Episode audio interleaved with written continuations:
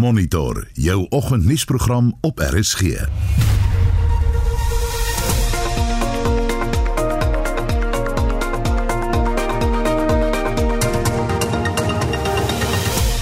volgens die program Randwater sê watertoevoer in Gauteng sal teen Donderdag ten volle herstel wees. 'n Petisie om 'n beplande seismiese opname aan die Oos-Kaapse kus te stop. Air guns are capable of inducing lethal and sublethal injury. So they can wipe out planktonic life, larvae, eggs, the next generation of coral and fish and crustaceans Brittanje en Amerika raai hulle landsburgers aan om Ethiopië te verlaat. En politieke partye oorweeg 'n alternatiewe regeringsstelsel indien 'n koalisieregering nie saamgestel kan word nie. Goeiemôre, ek's Oudo Karelse. En my naam is Anita Visser. Baie welkom by Monitor.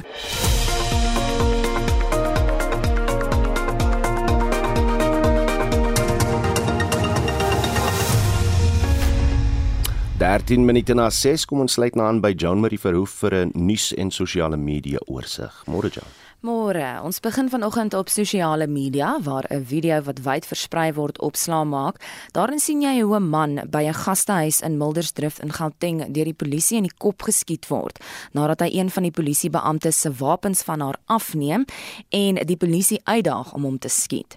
Die hitsmerk Len Kloete is een van Twitter se gewilde besprekingspunte vanoggend. Volgens die onafhanklike polisie ondersoekdirektoraat ondersoek hulle die skietvoorval. Kloete is tans onder polisiebewaking in die hospitaal. Beeld berig hieroor vanoggend die opskrif so skiet lid glo man in die kop. Dan berig die burger oor Soreta Brits wat gisteroggend in 'n pleitooreenkoms met die staat skuld beken het op die moord op haar man Leon. Hy is verlede jaar in Oktober in die egpaar se huis in Pofadder in die Noord-Kaap deur 3 mans oorval en vermoor. Soreta is tot 25 jaar tronkstraf gefonnis. Op Sowetan se voorblad, "Mom, I am under arrest."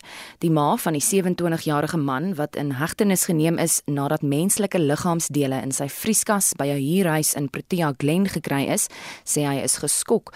Sê sy is geskok oor haar intelligente boekwurm van 'n seun se beweerde misdade. In die Ooskaap berig die Herald vanoggend oor 'n tekort aan skole vir kinders met spesiale behoeftes. Volgens die berig kan kinders met spesiale behoeftes solank as 3 jaar wag voordat hulle in 'n skool in die Nelson Mandela Bay Metro geplaas word.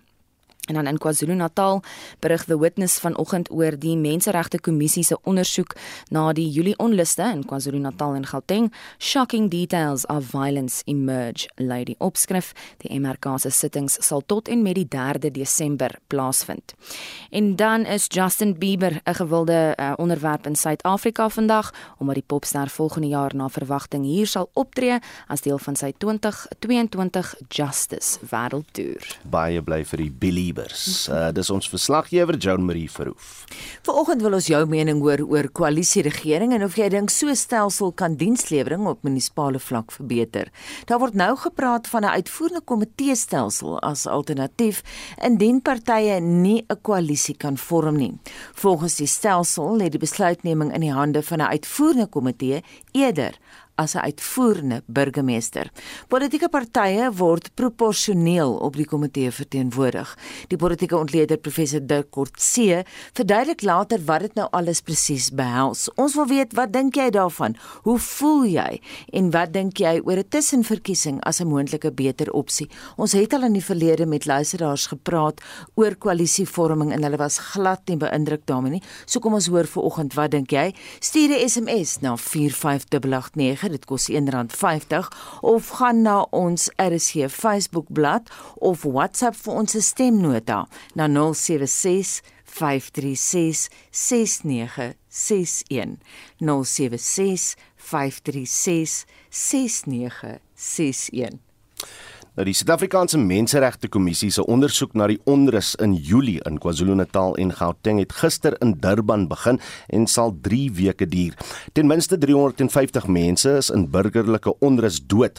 Saakondernemings is wyd versprei geplunder en aan die brand gesteek. Verskeie getuies wat regeringsleiers insluit, sal getuig. Die krisis het ontstaan nadat die voormalige president Jacob Zuma 'n vonnis van 15 maande vir minagting van die hof begin uitdien het. Metsi van der Merwe het meer besonderhede. Die eerste getuie was Zamangusi van Pietermaritzburg. Sy beweer mense in die gebied het plakkershuise in die Reisethop informele woonbuurt aan die brand gesteek en op inwoners geskiet. Sy het ook getuig oor hoe haar 17-jarige neef Sibalingusi na bewering deur veiligheidswagte geskiet is en daarna gesterf het. Then the security officers threw tear gases because of the tear gas being thrown into the uh, the community, even in the houses, we are unable to actually be in the houses because they could they, uh, the tear gas can actually come into the room. After we closed the door, we heard something which seemed some sort of uh, an explosion. We got out of the house and we fled. Because Batle wasn't aware which direction we had taken when we ran away, So they were just looking for us anywhere they can find us. Uh, there was a man who told me that Sbahle had been shot. Ngusi se weergawe van die gebeure vertel dat sy 'n vrou met 'n 2-jarige baba gesien het wat geskiet is en dat hulle dood is daarna. Sy beweer dat veiligheidswagte geskiet het nadat besighede geplunder is. Uh, they had uh, shot at a girl who was carrying a two-month baby. And after they had shot uh, this girl after she had died, then they they put a petrol bomb on her. Petrol bomb Getuie sê hulle huise is aan die brand gesteek dat op hulle geskiet is terwyl ander vertel van familielede wat dood is. Luandile Gumedi het getuig dat sy vrou wat tydens die onrus raak geskiet is, steeds in die hospitaal herstel. Hy sê sy's geskiet terwyl sy nog in hulle huis was. It was around 2 p.m.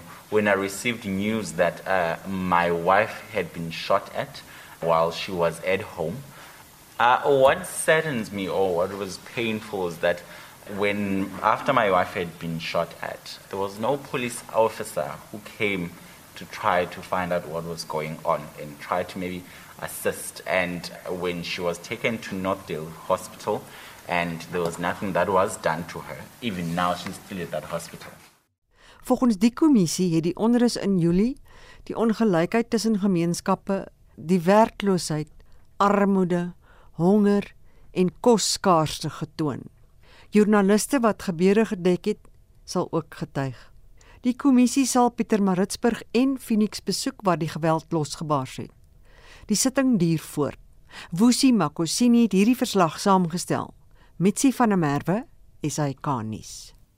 En dan na Gauteng waar die waterverskaffer Randwater instandhoudingswerk aan een van sy groot pyplyne sê dat dit verloop volgens plan. Die watervoorsiener is besig met opgradering om meer water uit die Vaalrivier te kry sodat meer water aan inwoners verskaf kan word. Die proses kan lei tot onderbrekings in verskeie gebiede. Marlenae Forsie berig watertoevoer word nie geheel en al afgesny nie en dat al die tydelike tekorte deel deel vorm van beplande onderbrekings. Randwater se voorsitter, Machidiso Hashat sê hulle is besig met die opgradeer van 'n belangrike waterpyp na die watersuiveringsaanleg. We are aware that it might affect citizens, it might affect businesses, it might affect places of service delivery like schools and clinics and so on. We're hoping that the interruption will be minimal, but we do also understand and we need the public to join us in this understanding that it is sometimes unavoidable when you're doing maintenance of this large scale that some areas will go without water and that you will need to do alternative supply. The maintenance program that we are doing on the B19 pipeline, as we call it, is to ensure that this pipeline, we extend its useful lifespan.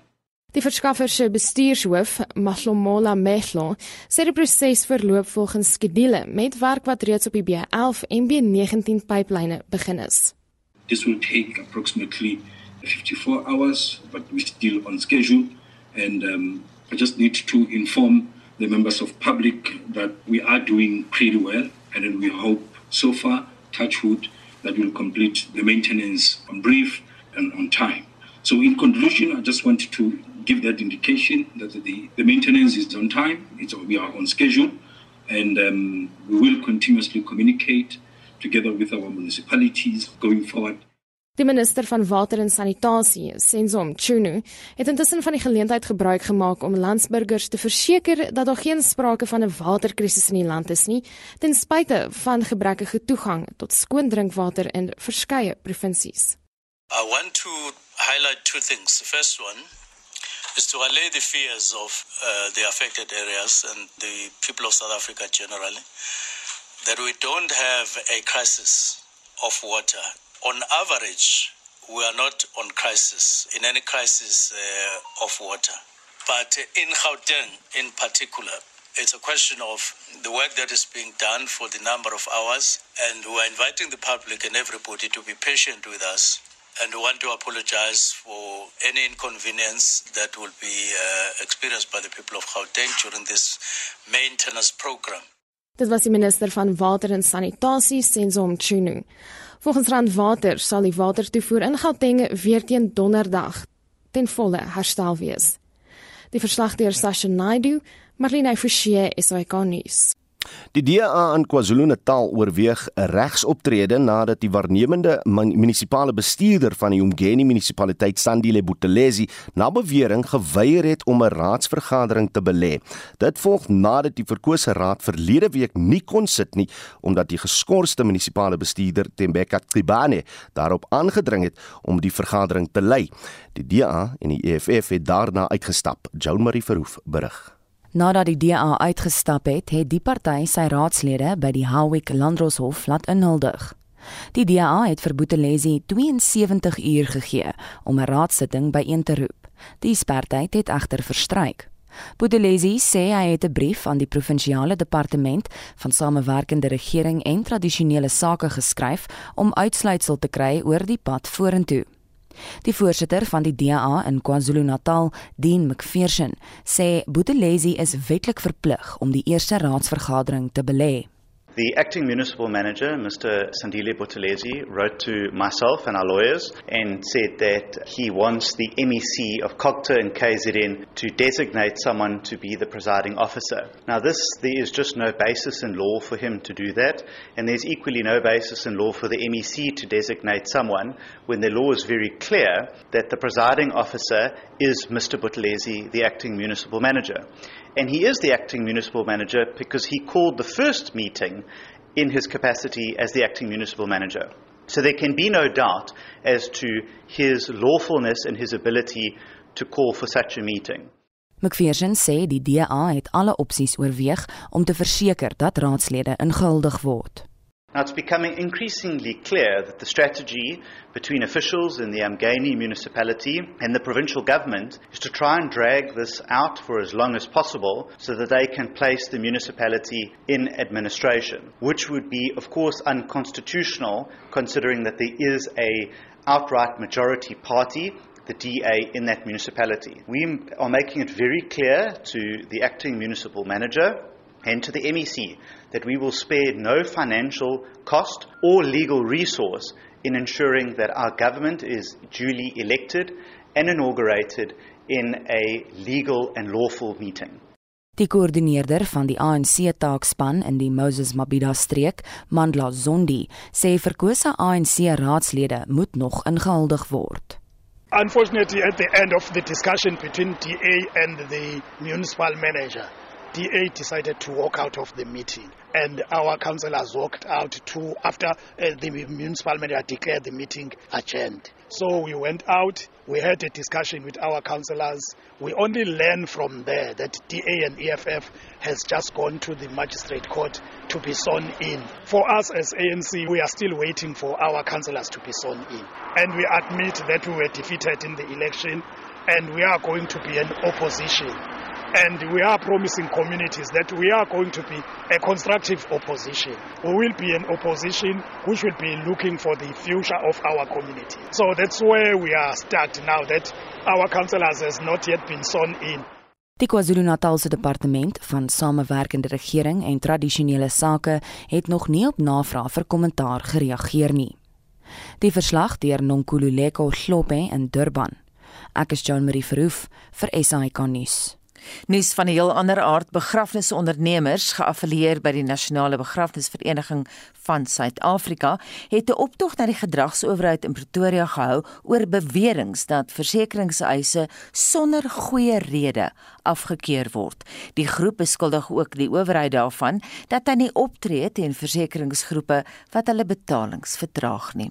Verskeie lijkhuise in Mpumalanga, Noordwes en Gauteng moes weens die situasie hulle deure sluit. Mitsi van der Merwe het meer. Begrafnisondernemers eis dat die owerheid aandag gee aan hulle eise, veral in gevalle waar uitbetalings vir geskeduleerde begrafnisse vertraag word. Hulle meen ook die stelsel wat versekerings en makelaars bevoordeel, pleks van die verbruiker mee weggedoen moet word. Nduduzi Masilela is die voorsitter van die Nasionale Begrafnisvereniging van Suid-Afrika. FSA regulate us, but that regulation does not work for us. It only protect one side with the insurance companies. We now become the slavery of the insurance because remember, we have to go look for a client. We have to have an office. We have to have a gravesite material, even cars to do the burial. But at the end, when the premium comes, the money, we need to take it to the insurance companies. When we claim to the insurance companies, they always give a story. They don't want to pay claims. They tell us we can't cover someone who is more than age of 95 years. So our question is, where must we take our cranes? Must we kill people because they are 95 years? Karabu Setlaku van die Offense Funeral Undertakers sê hulle is bekommerd dat hulle kliënte verloor weens vertragings deur versekeringsmakelaars wat eise verwerk. Every time when we claim, they take like 2 months two weeks or so before we can get the claim. We say enough is enough. We want our claim to be paid within 24 hours or 48 hours latest because we lose clients regarding late payments. We have lost a lot of clients because people they pay us very late and people complain. They fight with us. Nog 'n begrafnisondernemer, Moshidi Makola van BK Funerals, is ook wanhoopig. So we are here with FSCA because it is the one that is regulating the insurance companies to pay us on time. They pay the claims very late. And then now we are on the pandemic whereby we are forced to bury human remains of COVID 19 within three days. So we can't do that. So we end up wasting our money, giving our clients the services without being paid by the insurance companies. Kediboni Dinokwe van die gedragsowerheid van die finansiële bedryf sê die owerheid sal met begrafnisondernemers vergader om 'n oplossing te probeer bereik. We have received the memorandum and we are internally going to have a discussion and contact the association to understand exactly what their concerns are all about and see how we can try to help and assist the community. Begrafnisondernemers vra die owerhede om in te gryp en sê indien dit nie gebeur nie, sal hulle sakeondernemings in duie stort. Faniel Schumat hierdie verslag saamgestel. Mitsi van der Merwe, SAK nuus. Jy luister na Monitor elke weekoggend tussen 6 en 8. Dis is 30 in in die nuus. Massmart het gebeurlikheidsplanne by sy winkels landwyd te midde van 'n dreigende staking. Vier mense sterf in 'n botsing op die N1 naby Winburg. En duisende mense onderteken 'n petisie wat eis dat 'n beplande seismiese opname aan die Oos-Kaapse kus gestop word. Bly by Monitor.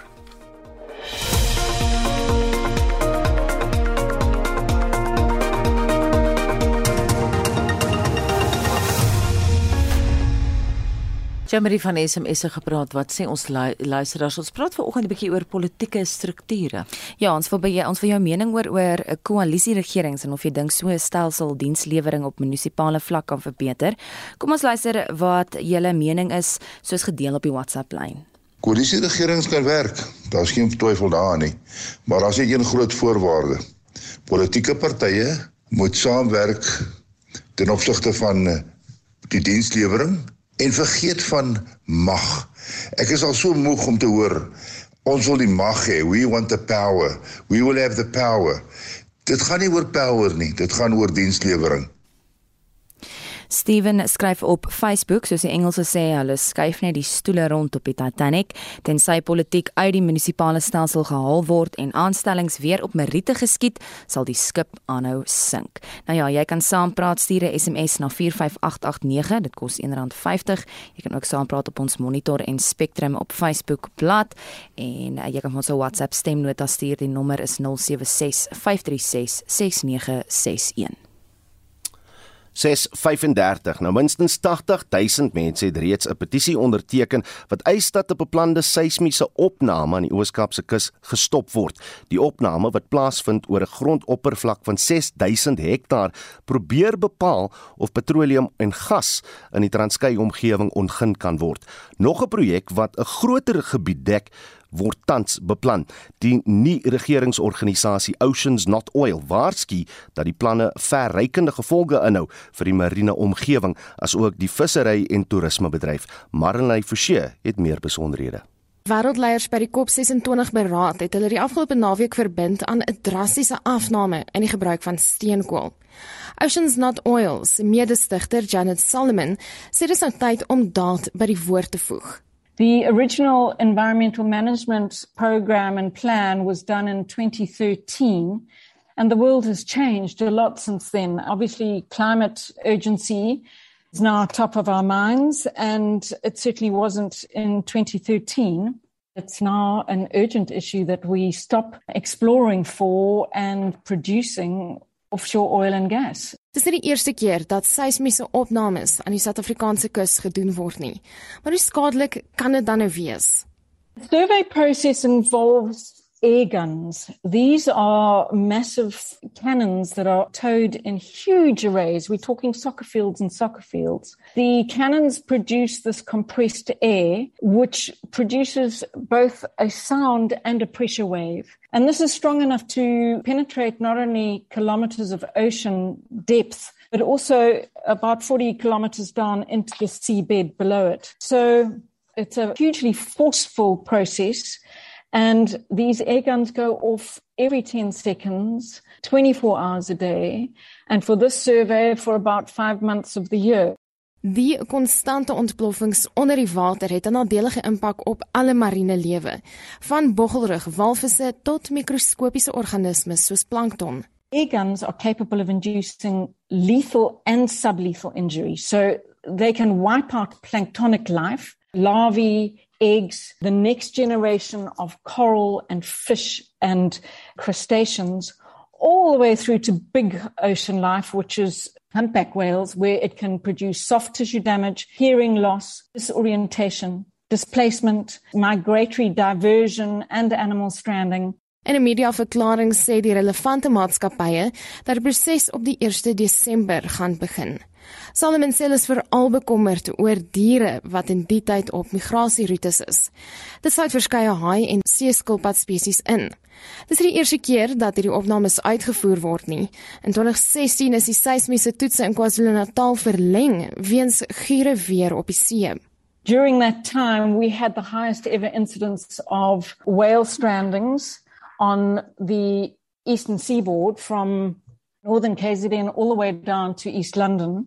It's a very difficult thing to prove scientifically that a marine mammal has stranded due to a seismic survey because one needs to be able to get into the eardrum. One needs to be able to find that animal and the flesh to still be fresh and the cochlea inside the eardrums. One needs to be able to take out the hairs, fix those hairs and get those hairs to a lab. So it's a, an extremely difficult thing to prove. Die gebrek aan wetenskaplike bewyse dat daar tog 'n verband is, maak dit op die stadium makliker vir groot oliemaatskappye om voort te gaan met die opnames.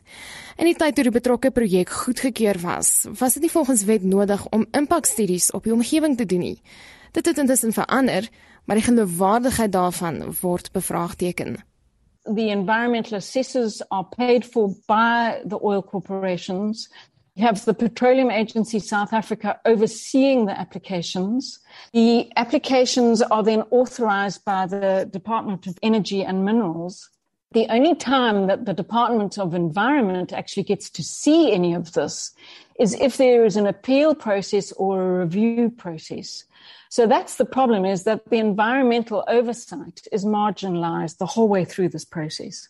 Die doel van die petisie is dus om die departement van omgewingsake se betrokkenheid af te dwing. There are tens of thousands of South Africans who object to this. So it's very obvious that the public participation process at the time was not adequate. Our challenge then is for Shell to open up this public participation process.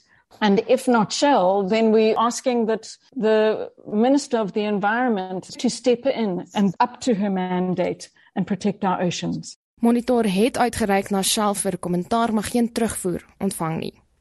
Daar word intussen nog so 'n opname beplan tussen Port Alfred en Plettenberg Bay.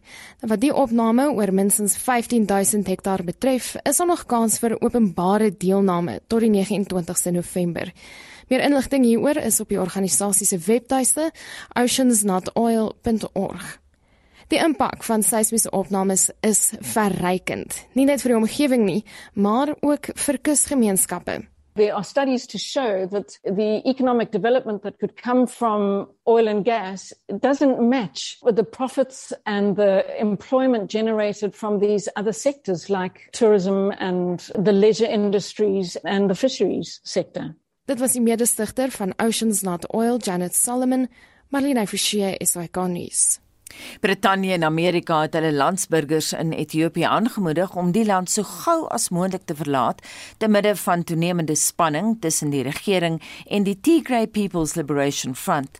Die groep dreig om die hoofstad Addis Ababa in te val en premier Abiy Ahmed moedig inwoners opnuut aan om hulle self te bewapen vir 'n moontlike stryd.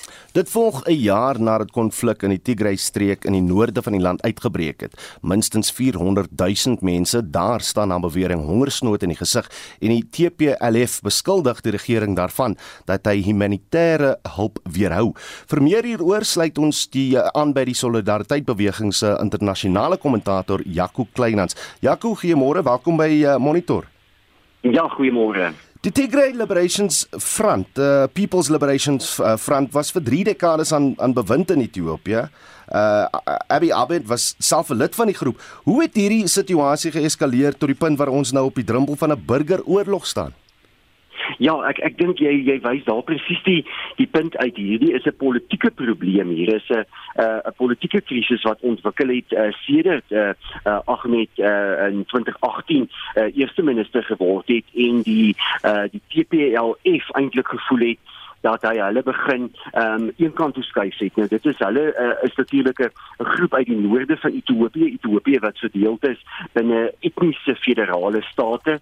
Ehm um, en die Tigray mense het uh, soos jy gesê het in die inleiding vir drie dekades eh, 'n uh, baie sentrale rol gespeel in die regering van Ethiopië, ook in die vestiging uh, van die federale uh, grondwet in die 1990s uh, en ook die oorlog met Eritrea van 1998 uh, tot 2000 Um, en hoewel die Tigray mense uh, slegs 6% van die bevolking uitmaak, was hulle politieke invloed baie groot geweest. Nou die afgelope 2 uh, jaar veral van 2018 af 2019, um, het uh, Ahmed se regering die Tigray uh, groep uh, eintlik 'n bietjie uh, op die kantlyn geskuif um, en dit het tot, tot hierdie spanning aanduiding gegee wat uh, uh, uiteindelik tot oorlog verlede jaar November gelei het en as mens teruggaan 'n jaar gelede en jy kyk na die uitsprake verlede jaar in November van Ethiopië se regering en van Ahmed dan was mens natuurlik onder die indruk dat hierdie is 'n uh, is 'n klein rebellie in in die Tigray streek wat wat eintlik net onderdruk moes word onder beheer gekry moes word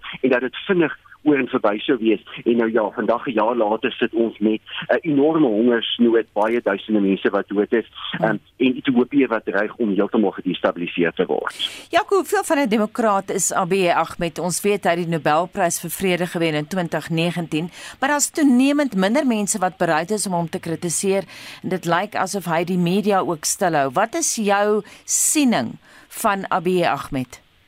Ja, ek dink 'n mens moet baie uh, skepties wees. Mens moet natuurlik na sy uh, geskiedenis gaan kyk. Hy het 'n geskiedenis in die regering. Hy was in die nasionale intelligensie uh, van Ethiopië gewees. Hy het na um, intelligensie strukture in Ethiopië uh, in die verlede ontwikkel, maar hy is nie noodwendig iemand met 'n met 'n uh, 'n sterk tradisie van demokrasie nie uiteindelik eerder autoritaire soort van um, ingesteldheid en dit was deel van die probleem gewees om in 'n land soos Ethiopië wat uit 10 federale etniese state bestaan uh, al die groepe bymekaar te hou vereis jy nogals 'n um, uh, uh, diplomaat. Jy vereis iemand wat regtig um, oor die vermoë beskik om mense bymekaar te bring. Uh, en Ahmed was eintlik sedert hy in 2018 uh, eerste minister geword het uh, nooit presies dit gewees nie. Hy het die Nobel Vredeprys in Desember 2019 uh, gewen vir die vrede wat hy natuurlik met Eritrea gesluit het maar dit was vir hom 'n baie strategiese keuse en ek dink die die westerse wêreld um, was in 'n sin uh, dalk 'n bietjie naïef geweest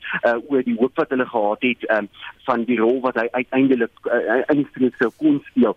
Sy vrede met Eritrea was uiteindelik iets wat juist tot hierdie spanning, hierdie verhoogde spanning in um, die Tigray, Tigray bevolking aanleiding gegee het. En nou sien ons dat Eritrea ook baie baie direk in hierdie konflik uh, betrokke is. Ja, dat daar selfs beweringe is van oorlogsmisdade deur die regering uh, van Eritrea. So, nee, Ahmed het ongelukkig sy eie reputasie groot skade berokken die afgelope jaar en is word die media uitgehou kommunikasiekanale is afgesny na die Tigray streek ons het verlede week gesien uh, dat die Verenigde Nasies sê dat dit vir hulle omtrent onmoontlik is om humanitêre werk te doen die voedsel wêreldvoedselprogram uh, 72 van hulle bestuurders is byvoorbeeld tydelik aangehou verlede week in die Tigray streek. Um, en en dit is eintlik op die oomblik uh, byna onmoontlik vir uh, uh, uh, die Verenigde Nasies of ander humanitêre organisasies of die onafhanklike media in die wêreld om presies vas te stel wat aangaan in die noorde van Ethiopië. En dit is omdat die regering van Ahmed ehm um, eh uh, hulle hond eintlik so hou op die situasie en dit onmoontlik maak vir mense om toegang tot inligting te kry. Ons ken mos nou almal hier gesegde een persoon se terroris is 'n ander se vryheidsvegter. Die Tigray People's Liberation eh, Front word as terroriste groep deur Abiy Ahmed se regering aanskou. sien die res van die wêreld dit ook so? nie noodwendig nie nee en uh, die die werklikheid is dat wat die afgelope jaar um, in die Tigray streek in die noorde van Ethiopië gebeur het is um, uh, is is onaanvaarbaar die feit dat die um, Ethiopiese regering dit uh, eenvoudig onmoontlik maak vir uh, op organisasies om daarin te kom. So hulle het 'n argument die die ehm um, die TPLF het 'n goeie argument om te sê ons wil eintlik net ons streek um, oopmaak, ons wil hom bevry sodat uh, noodsaaklike middele soos voedsel, mediese dienste en so aan uh, in kan kom in in in die omgewing. En die probleem is natuurlik dat die dit nie lankal nie meer die Tigray ehm um, 'n bevrydingsgroep is wat stryd teen die regering nie. Dit is nou ook die die Oromo ehm um, bevrydingsleer wat hulle self bygevoeg het en nog ander rebelle groepe in Ethiopië ook. So hierdie het tans die potensiaal uh, om te ontwikkel uh, in 'n volwaardige burgeroorlog en dan raak dit baie moeilik om te sê wie is nou um, die goeie mense en wie is die slegte mense en, en nou moet mense nie die konteks natuurlik uiteindelik wel van die groter streek vergeet nie waar waar um, Ethiopië geleë is in 'n uiters gedestabiliseerde gebied. So ja, hier is ongelukkig baie mense wat eenvoudig um, oorlogsmisdade tans pleeg um, en soos ek vroeër ook verwys het, Eritrea moet moet ook nie hier uitgelaat word nie. So mm. verskeie partye wat besig is om uh, om eintlik die, die humanitêre krisis verder te verdiep.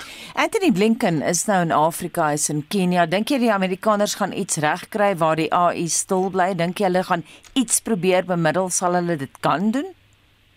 Dit is interessant um, Anita dat die uh, Amerikaners duidelik hierdie as 'n baie belangrike prioriteit beskou. So dit is ten minste positief dat die Amerikaanse minister van buitelandse sake uh, hierdie week Afrika besoek en dat die fokus baie spesifiek die krisis in Ethiopië is. Hulle besef dat hierdie um, die horing van Afrika is reeds 'n 'n 'n moeilike streek. As jy net rondom Ethiopië kyk, noordwes van hom is uh, Sudan, dis van hom uh, Suid-Sudan, oos van hom um, uh Somalië dis alles uh, lande wat natuurlik gedestabiliseer is op die oomblik reeds wat of burgeroorlog het of reeds baie groot um humanitêre probleme het. So dit is baie belangrik dat Ethiopië um uh, stabiel moet wees. Dit is ook natuurlik 'n belangrike vesting van internasionale organisasies soos die Afrika Unie. Die een persoon wat tans 'n 'n rol probeer speel en moontlike rol kan speel is Olusegun Obasanjo, die voormalige um president van Nigerië wat namens die Afrika Unie probeer bemiddel en ek sien die Amerikaners het gister al gesê hulle ondersteun ook sy poging. Mm. En dan probeer Kenia natuurlik ook um, uh, hier 'n uh, 'n uh, 'n uh, bydrae lewer. So ek dink die Amerikaners is ernstig hieroor, die Britte is ernstig hieroor, maar uiteindelik gaan die oplossing waarskynlik uit Afrika moet kom en indien die Afrika Unie ek wil eintlik sê vir 'n slag dalk sy werk kan doen um, en hier 'n uh, skietstilstand ooreenkoms kan onderhandel, dan dink ek sal dit sal dit vir nou ten minste oor die kort termyn die, die beste oplossing wees. Maar die voormalige assistent vir die minister van buitelandse sake in Afrika, Tibor Nagi, het wel gesê die enigste manier om 'n bloedbad te vermy is vir die FSA en China om saam te stem. Ons weet natuurlik wat se watter gesprekke nou tussen hierdie twee lande tans gevoer word. Stem jy saam met, met daai mening? Ja, verseker so en ehm um, uh, die die die werklikheid rondom uh uh die situasie in Ethiopië is dat hier soveel belange is uh wat natuurlik besig is om hier af te speel. En uiteindelik is die uh is die konsensus waarmee almal sal moet werk en ek kry tog die gevoel dat ek gister na uh Anthony Blinken die Amerikaanse minister van buitelandse sake geluister het dat hy dit deeglik besef dat sou um uh die buiteland toelaat dat uh, dat Ethiopië uh, volledig in 'n burgeroorlog verval wat heeltemal moontlik is 'n scenario wat nog hierdie week kan afspeel. Dan um, sal dit natuurlik uh, die die groter streek heeltemal um, uh, negatief raak en uiteindelik buitelandse belange in die hele streek negatief raak want uh, lande soos China ehm um, FSA maar baie ander lande het baie belangrike belange in uh, ekonomiese belange in Oos-Europa en ek dink Kenia is self ook ehm um, eh uh, bekommerd oor die situasie. Blinken het natuurlik gister na Nairobi besoek. Ehm um, en Kenia is tans die mees stabiele land in die hele streek ehm um, en dis duidelik dat hulle ehm um, uh, ook uh, baie hard probeer om om die buiteland aan te moedig om om eintlik druk te plaas op op al die partye betrokke. Ons het gesien onder andere dat die Amerikaners um, ekonomiese sanksies teen Eritrea Vrydag aangekondig het om Eritrea te probeer kry om te onttrek uit hierdie konflik. So, daar's 'n klomp dinge wat gebeur deur verskillende partye in hierdie konflik en indien almal hulle werk doen dan dan kan uh, 'n skietstilstand ooreenkoms waarskynlik nog hierdie week bereik word. Baie dankie en so sê Jaco Kleinhans, hy is die Solidariteit Beweging se internasionale kommentator. 651 en die agentskap vir padverkeersoortredings versoek maatskappye om die implementering van die nuwe aardtoe wetgewing ernstig op te neem. Fase 2 word reeds geïmplementeer en as maatskappye nie gereed is hiervoor nie, kan dit tot groot skade lei. Die organisasie Upskill Academy werk saam met die regering om opleiding te bied oor die risiko's van swak voorbereiding, maar ook die voordele verbonde aan die nuwe wetgewing. Marlene Forsie het meer besonderhede. Liesel Erasmus is die opleidingsmaatskappy Upskill Academy se kreatiewe inhoudontwerper. Sy sê hulle is die afgelope jaar oorval met vrae oor die nuwe wetgewing, of dit ooit geïmplementeer gaan word en hoe ernstig dit is om die wetgewing te oortree. Volgens haar hou dit voordele in vir veral vervoermaatskappye, soos dat bestuurders nou vir hul eie boetes verantwoordelik is as die drywer meer daai impak voel en besef dat hulle oortredings nadelig is dat hulle dan bietjie beter die reëls van die pad sal benader. Dan van die ander positiewe is as jy enigsins nou met verkeersboetes werk, weet jy dit is 'n absolute nagmerrie om 'n lys van jou verkeersboetes te kry. Jy moet na verskillende platforms toe gaan soos PayCity, PayMyFines en nie eers dan kan jy al jou verkeersboetes nasionaal op een platform kry nie. So van 'n maatskappy se oogpunt af is boetebestuur ongelooflik moeilik op die huidige proses wat ons nou volg. So wat aardie dit gaan vergemaklik. Die positiewe is dat jy op een stelsel al jou boetes nasionaal sal kan kry. Ook jy gaan nie meer hof toe moet gaan om jou boetes te gaan stry as jy voel die boete is nie regverdig nie. Jy hoef nie meer hof toe te gaan daarvoor nie. Jy kan dit alles aanlyn doen. Volgens haar is dit dus uiters belangrik dat maatskappye wie se werkers van die wetgewing afhanklik gaan wees, goed opgelei is in hoe dit werk. Sy waarsku dat die relevante maatskappye nie moet sloer nie, omdat die wetgewing reeds geïmplementeer word. In fase 2 waar ons nou trek, is dit al in 67 munisipaliteite van krag. En ek dink wat baie belangrik is vir maatskappye as dit kom by aardie self is dat jy jou maatskappybeleid en prosedures gaan moet hersien en opstel. Wat gaan jy maak as van jou werknemers nie meer hulle werk kan verrig nie omdat hulle te veel punte het of hulle lisensie tydelik opgeskort is? Wat gaan jy doen? Watse prosedures gaan jy volg met daai persoon? Indien behoorlike opleiding nie in die verband gedoen word nie, kan dit lei tot die opskort van jou bestuurder se lisensies. Die tweede gedeelte daarvan is wat baie mense nie van bewus is nie dat jou voertuig ook punte kan kry en dat jy daai voertuie se punte gaan moet monitor. Wat gaan jy as 'n logistieke maatskappy maak as die helfte van jou vloot punte het en jou vloot is opgeskort en jy nie jou afleweringsbetyds kan maak nie of jou kliënte kan diens nie. Jy weet dit gaan 'n verskriklike risiko op die maatskappy het nie net op finansiële impak nie, maar ook jou impak op jou naam. Jy weet wat gaan jou kliënte van jou dink met jou diens.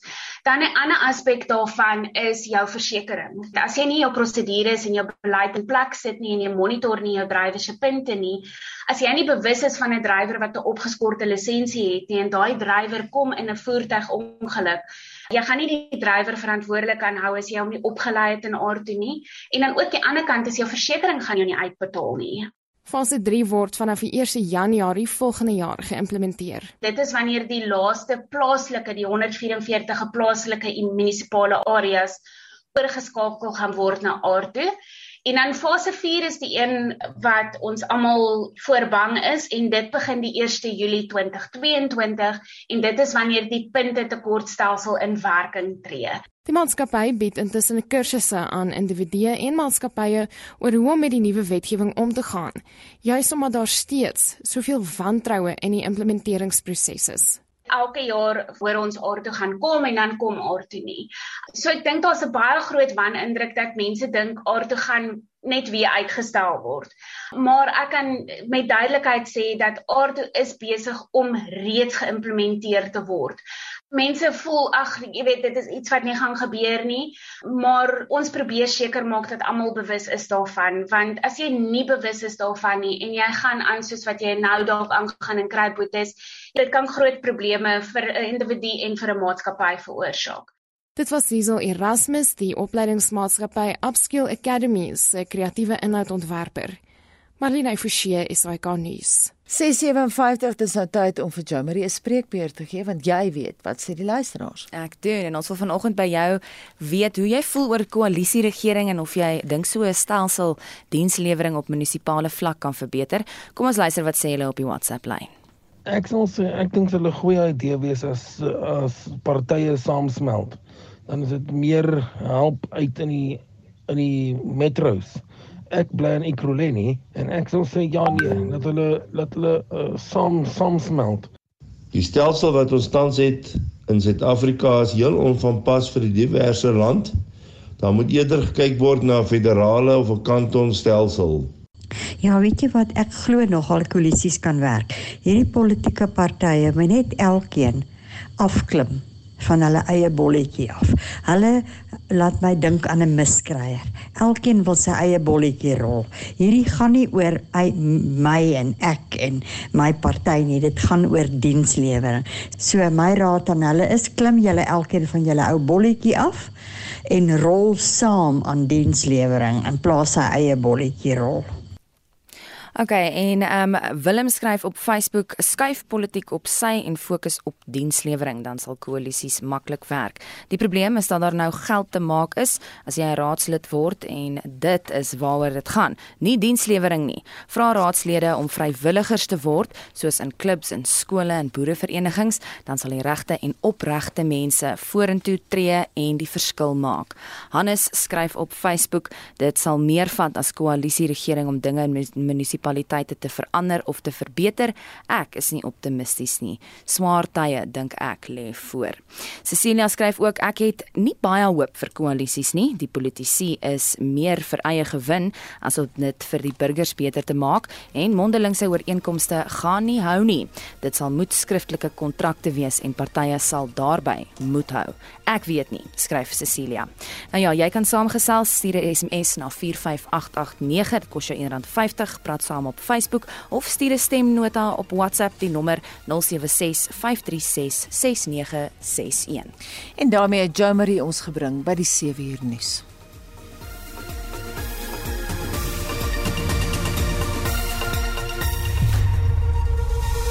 SAK nuus. Onafhanklik, onpartydig.